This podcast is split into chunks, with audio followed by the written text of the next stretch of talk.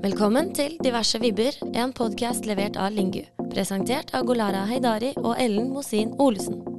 Vi skal snakke om innovasjon, vekst og det nye arbeidslivet, og hvordan mangfold bidrar til nettopp innovasjon og vekst. Jeg er skikkelig gira i dag, Ellen. Er du gira? Ja, vet du, da gleder jeg meg helt utrolig. For en spennende gjest vi har. Ja, for en spennende gjest. For en dame, for et menneske. Anjali Batnager, velkommen hit til oss. Takk skal du ha. Og nå vil jeg bare si til alle våre lyttere, uten at no pressure, Anjali, men kjære lyttere, eh, fest setebeltet, for nå skal dere få lov til å være med, være vitne til en utrolig reise. Ja, da er det bare å begynne, Anjali. Hvor skal, jeg, hvor skal jeg begynne reisen? Eh, kan vi høre litt om deg? Jeg er født og oppvokst i India, i Delhi. Og så har jeg bodd i Norge nå i 30 år, så jeg flytta til Norge i voksen alder. Jeg er fysiker av bakgrunn. Det er derfor jeg er i Norge også. Jeg kom flytta til Norge for å ta høyere utdannelse.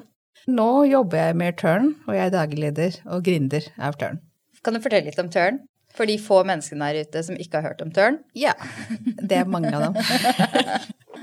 Tørn er en markedsplass for byggevarebransjen, uh, hvor byggevarehus og byggevareprodusentene kan selge sine overskuddsvarer til uh, folk som deg og meg, og håndverkere. Og hele problemstillingen med overskuddsvarer er jo liksom at det er de varene som disse butikkene har ikke klart å selge på egen hånd. Det kan være alt fra rester etter sesongsalg, det kan være returer, det kan være liksom uh, varer hvor emballasjen er ødelagt, eller det kan være feilbestillinger, og det er veldig mye av dette her i den bransjen. Så blir disse varene stående i de diverse butikkene og på diverse lager, og så blir de kastet etter hvert. Det er etablert praksis, da. Så nummer turn er jo liksom at vi gjør det veldig enkelt for dem å selge disse varene istedenfor å kaste dem. Det kommer også veldig mye til gode for forbrukerne, fordi de varene selges veldig billig. Og de er veldig nye ubrukte varer, da. Proffe eh, varer. Til en brøkdel av prisen. Nå er du litt beskjeden nå, da. Fordi, fortell litt om Turn-reisen. Dere startet i 2020. Og det har skjedd mye siden da? Ja, det har skjedd mye, men liksom det har jo skjedd mye før det også. Og som sagt, jeg begynte jo å si at jeg er jo fysiker av bakgrunn, jeg tok jo en doktorgrad, og så har jeg jobbet i mer enn 20 år i diverse teknologiorganisasjoner. Jeg jobbet med produkt- og tjenesteutvikling. Eh, og hvis jeg skal begynne akkurat i reisen fra 2020, så var det jo at eh, Kortversjonen er at jeg leste en artikkel i Aftenposten, i Lørdagsmagasinet, som handlet om svinn i byggevarebransjen. Eh, og den artikkelen gikk jo så veldig mye på at veldig mye av svinn eh, Det produseres jo helt ekstremt mye avfallsmengder fra byggevarebransjen og byggevirksomheter. Eh, og veldig mye av den svinn er kobla til nye ubrukte varer.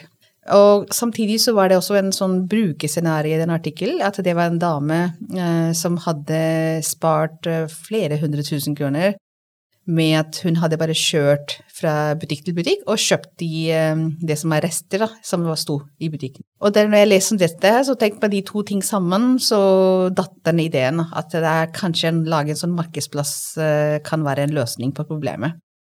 Fordi at hvorfor de ikke klarer å selge disse varene selv, det er en grunn til at de er veldig Det er rester, da, så det er veldig spesifikke varer i begrenset mengde. Og det krever veldig mye av salg- og markedsføringsinnsats for å finne en kjøper for de varene.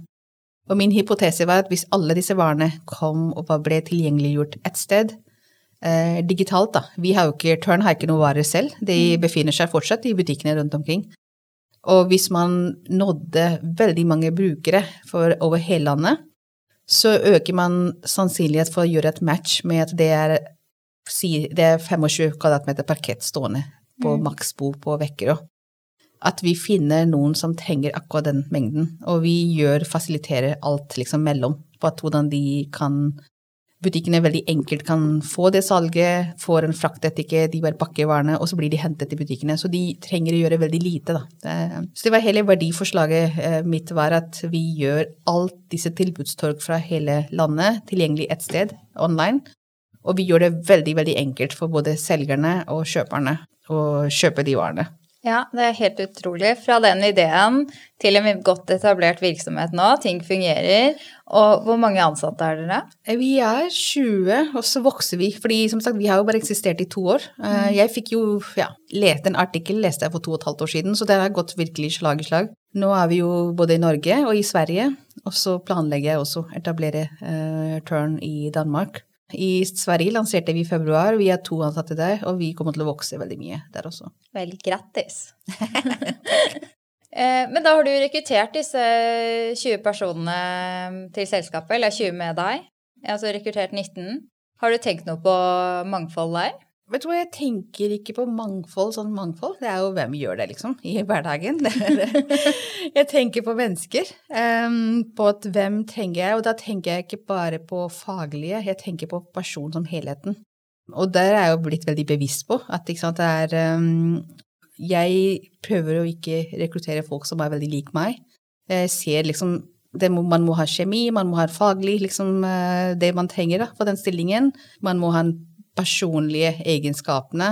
Um, og det er der mangfold kommer inn i bildet. Fordi jeg føler jo på at de tingene som er veldig viktige da, i en sånn startup-verden, det er at eh, det er ikke som, som å jobbe i stor bedrift. Uh, det skjer masse endringer hele tiden. Vi er veldig åpne for endringer. Fordi jeg føler at selv om det går bra nå, så er jeg veldig åpen for at uh, vi må følge med. Vi må være åpne for at vi skal endre turn-konseptet når vi går i et nytt land. Så du må ikke ha fastlåst uh, tankemønster. Og det krever liksom de type menneskene at jo mer erfaring og jo mer liksom, hva heter diverse bakgrunn de har, jo mer verdifullt er det. Fordi jeg også tenker på de folk som har hatt kanskje litt forskjellig bakgrunn, hatt forskjellige erfaringer. At de er litt mer åpne.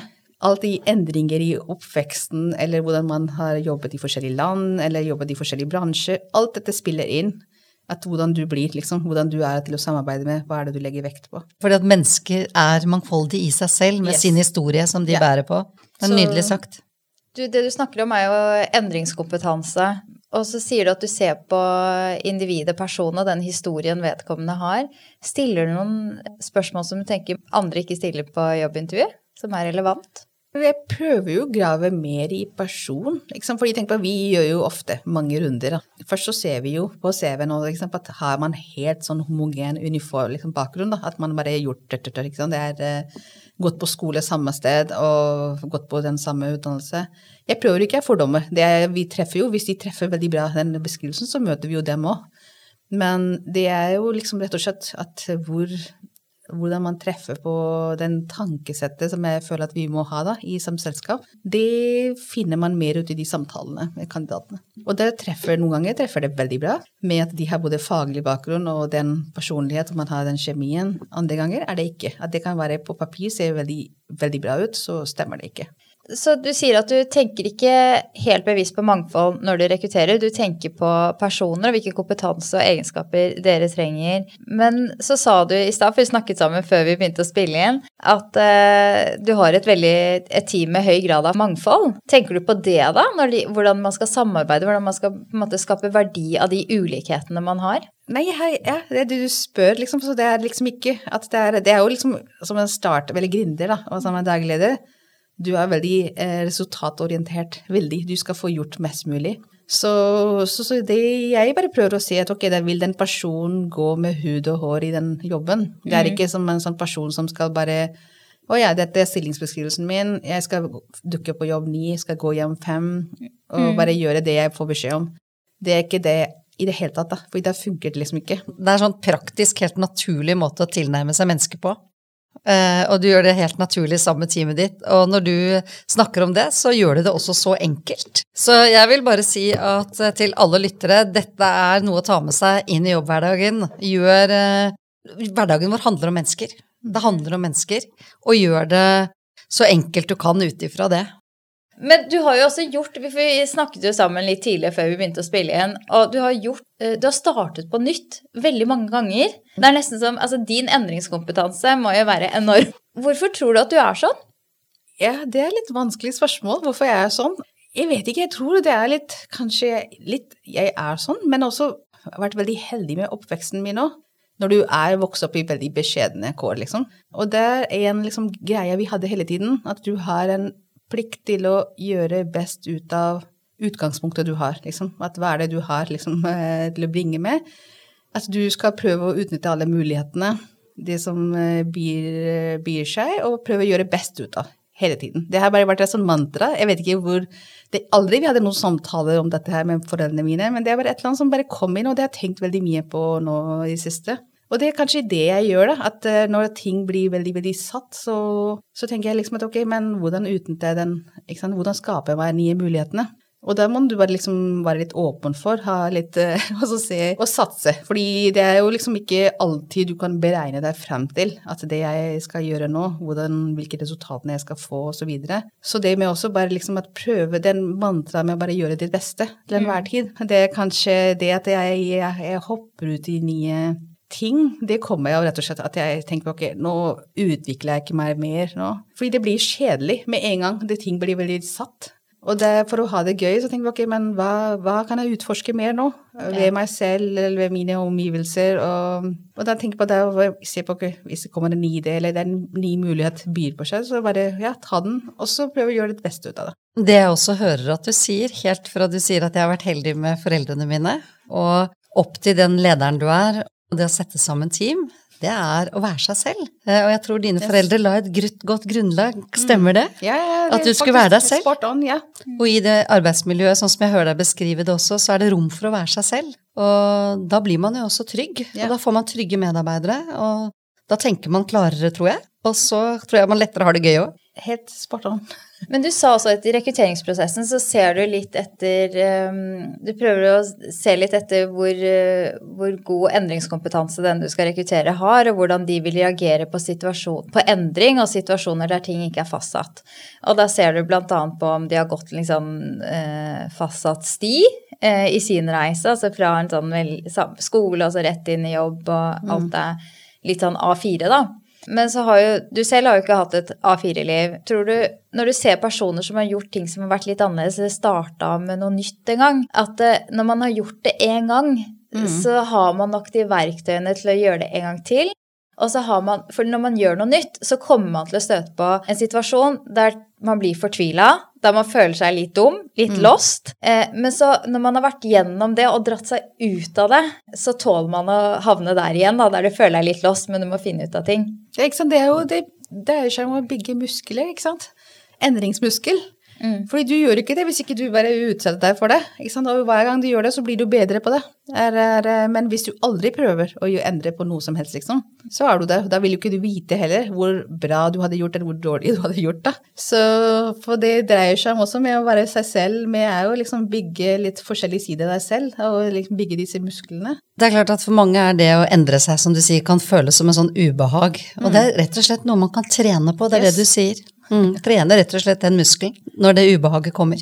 Men vi har invitert deg hit, Anneli, på en podkast eh, som handler om mangfold. Og så sier du at du tenker ikke så mye på mangfold i det arbeidet du gjør. Du tenker på resultater og tenker på personer.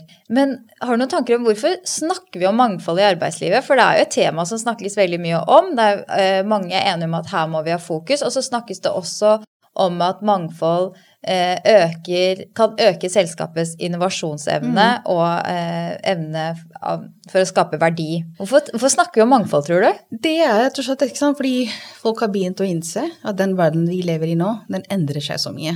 Ikke sant? Ytre betingelser, alt. Og det må man være litt forberedt på. Ikke sant? Det er igjen at det er, eh, det er ikke de faste mønstrene som går liksom At du kommer deg gjennom med å gjøre det bra, da, med å følge dem. Og det er også helt bevist da, vitenskapelig at jo mer diverse teams, de, eh, de har bedre resultater enn veldig homogene team. Og det tror jeg alle ser det. Igjen, liksom, det dreier seg om at resultater kommer av mennesker og kulturen liksom, du skaper for å skape, uh, skape de resultatene. Og der ser jo man at uh, jo mer du har liksom i ditt team folk som har opplevd veldig mye at de har eh, kanskje vokst opp et annet sted, de kan mange språk, de har bodd flere land, de har eh, vært gjennom flere industrier.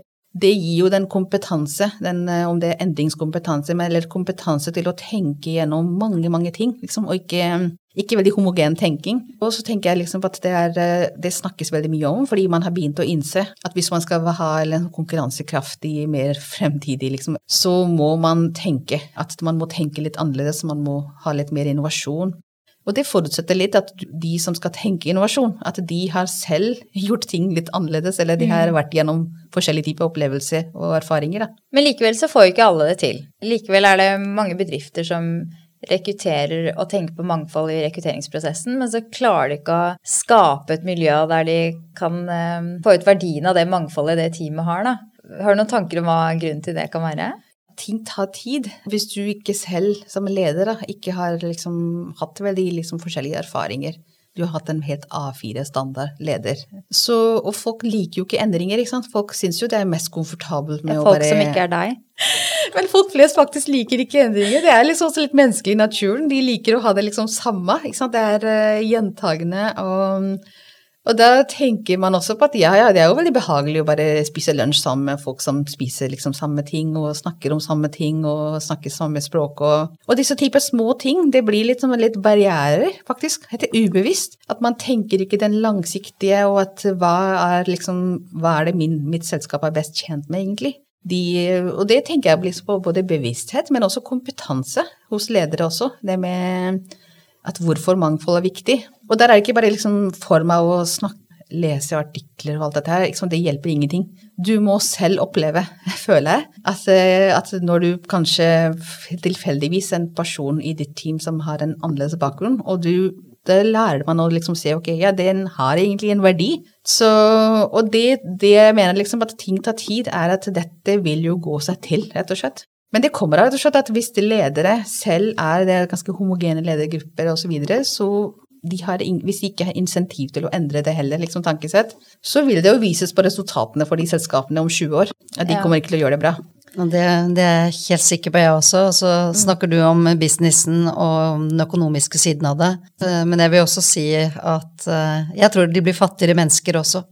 Og da må jeg også si at det du sa når vi snakket om det innledningsvis, dette med at det handler ikke om mangfold, det handler om mennesker. Du ser menneskene.